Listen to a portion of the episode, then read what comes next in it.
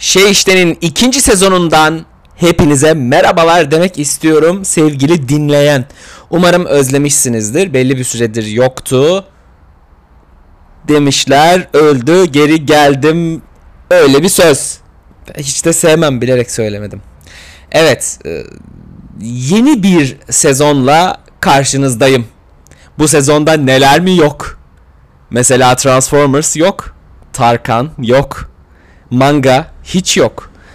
E, MFÖ de geleceğini sanmam. Bunlar yok. Olanlar da zamanla kendini gösterecektir diye düşünüyorum. Nasılsınız, ne yapıyorsunuz gibi gereksiz soruların olmadığı bir kanaldı burası hatırlıyorsanız. Hala da öyle.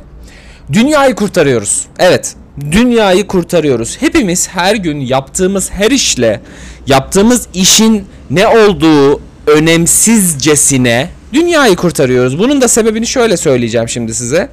Mesela diyelim marketsiniz.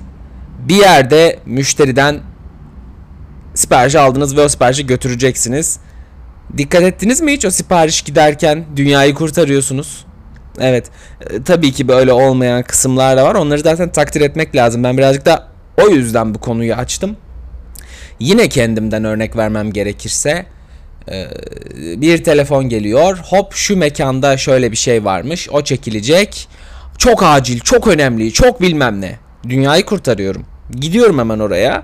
Onu çekiyorum ve dünya artık daha sağlıklı bir yer oluyor. Çünkü ben onu hemen orada gidip çektiğim için dünyamız kurtulmuş oluyor. Ve bu dünyayı kurtarmamın sonucunda aldığım şey nedir? Sabit bir ücret. Ama ben demin dünyayı kurtarmıştım hani ne oldu falan. Neyse. ee, özet olarak şunu söyleyebilirim. Hiç kimse dünyayı kurtarmadığı için şu yaptığınız işlerin o kadar önemli olduğunu düşünmeseniz mi mesela? Yani oyuncuda olsanız, bakkalda olsanız, manavda olsanız, kasapta olsanız bunların hepsi esnaf oldu. Oyuncu, oyuncu da bir nevi esnaf biliyor musunuz gerçekten? Hayır şaka değil kendini satıyorsun sonuçta ve esnaf kendinin esnafısın yani başka bir şey olmaz. Yapımcı da olsanız, mekan sahibi de olsanız yani klasik bir anlamda hiç kimse dünyayı kurtarmıyor. Herkes 10 dakika bekler. Şimdi 10 dakika bekler dedim. Oradan bir konuya geçiyorum. 10 dakika beklemeyecek tek insan var. Bak ben onu söyleyeyim size. Kim biliyor musunuz? BMW, Audi bu ikisini kullananlar 10 dakika bile beklemez. Bir yerden bir yere giderken çok aceleleri var bu insanların. Yani acaba giriyorlar mesela böyle o nedir? Galeriye girdiklerinde şeyi soruyorlar mı? Ee, merhaba hoş geldiniz. Ee, çok aceleniz var mı mesela normal hayatta? Evet acayip acelem var ve benim dakika başı her yere yetişmem gerekiyor.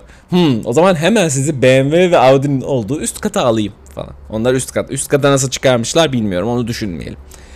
Gidiyorsunuz ve orada onu seçiyorsun. Onların hiç e, kaybedecek vakitleri yok. Onlar gerçekten acayip dünyayı kurtarıyor. Yani benzin alırken bile dünyayı kurtarıyorlar anladın mı? Hani o benzini ilk önce o almalı falan. İlk damla bana gelsin falan.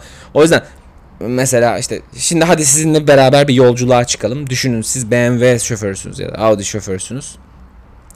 Ve e, inanılmaz her yere çünkü araba basabiliyor anladın mı? Gaza basabiliyorsunuz yani. Önemli değil. Gaza bastığınızda arabanın çıktığı belli hızlar, belli e, rakamlar, sayılar var daha doğrusu. O sayıları görmekten deli gibi hoşlanıyorsunuz. Neden 190 görmüyorum ben?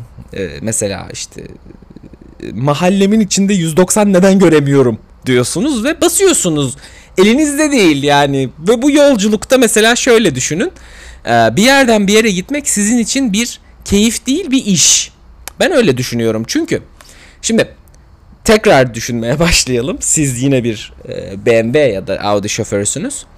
E, normal seyrinde giden bir e, otobandayız. Çok lokal bir örnek verelim. Çeşme otobanındayız. Çeşme'ye gidiyoruz ya da Çeşme'den dönüyoruz. Önemli değil. Şimdi ee, sol şerit, sağ şerit, orta şerit. Şimdi bunların bazı kuralları var. Ee, sağ şerit yazılık olmayan kurallar ama en yavaşı. Orta şerit, orta hız. Sol şerit çok acelem var. Burası benim babamın evi ve burası benim babamın yolu.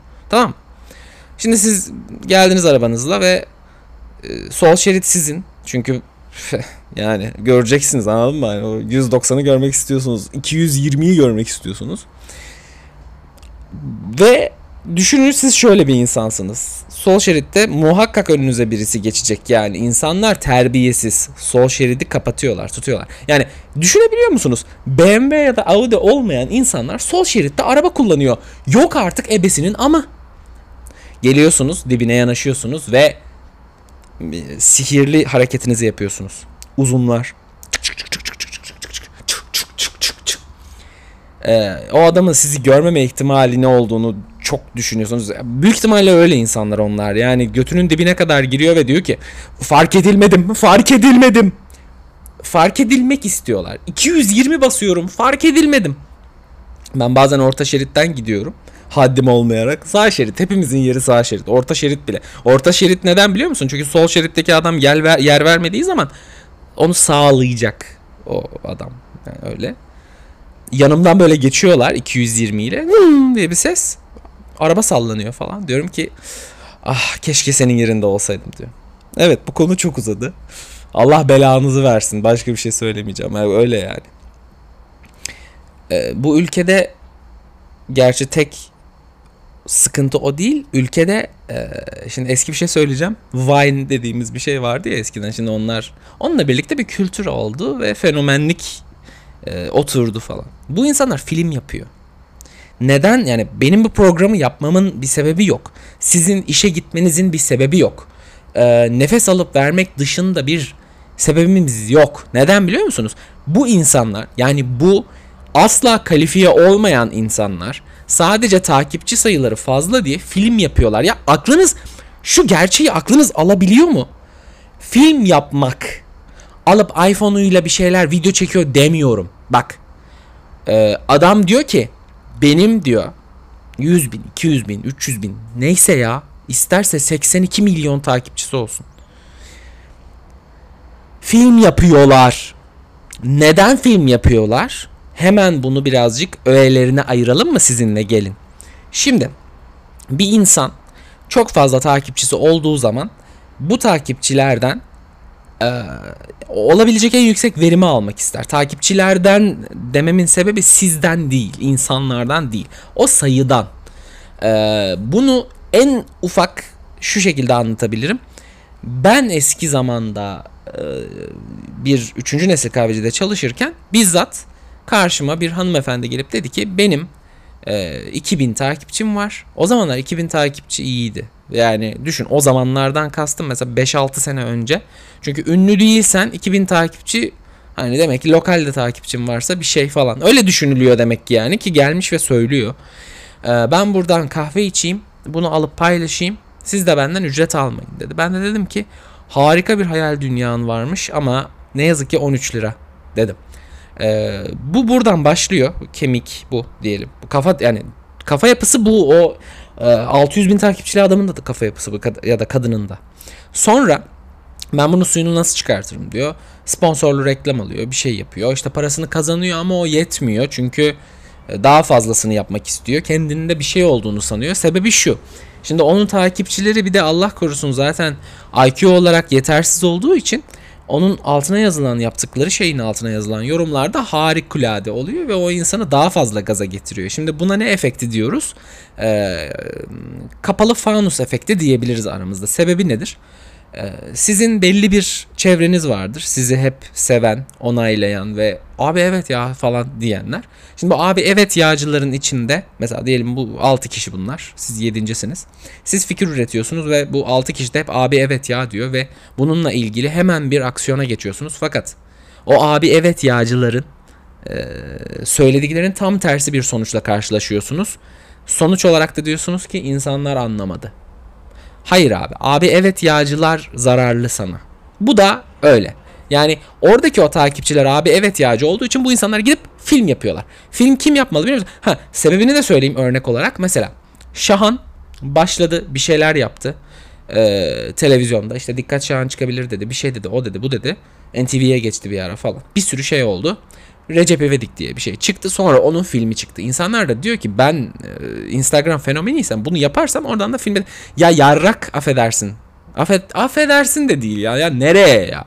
Ya sen kimsin ve nesin? Yani şunu demeye çalışıyorum özet olarak. Biz ne yaparsak yapalım boşuz abi. Adamlar film yapıyor ya. Evet. 3 konuyla ilk bölümü, ikinci sezonun ilk bölümünü tamamladım. Fazla uzun tutmayacağım. Daha çok fazla konumuz var konuşacak ama bir şeyler hep kalsın istiyorum. Kendinize çok iyi bakın. İkinci sezondan hepinize merhabalar ve hoşça kalın diyorum. Haftaya tekrar görüşmek üzere. Ben Bora Baysal. Sağlıcakla kalın.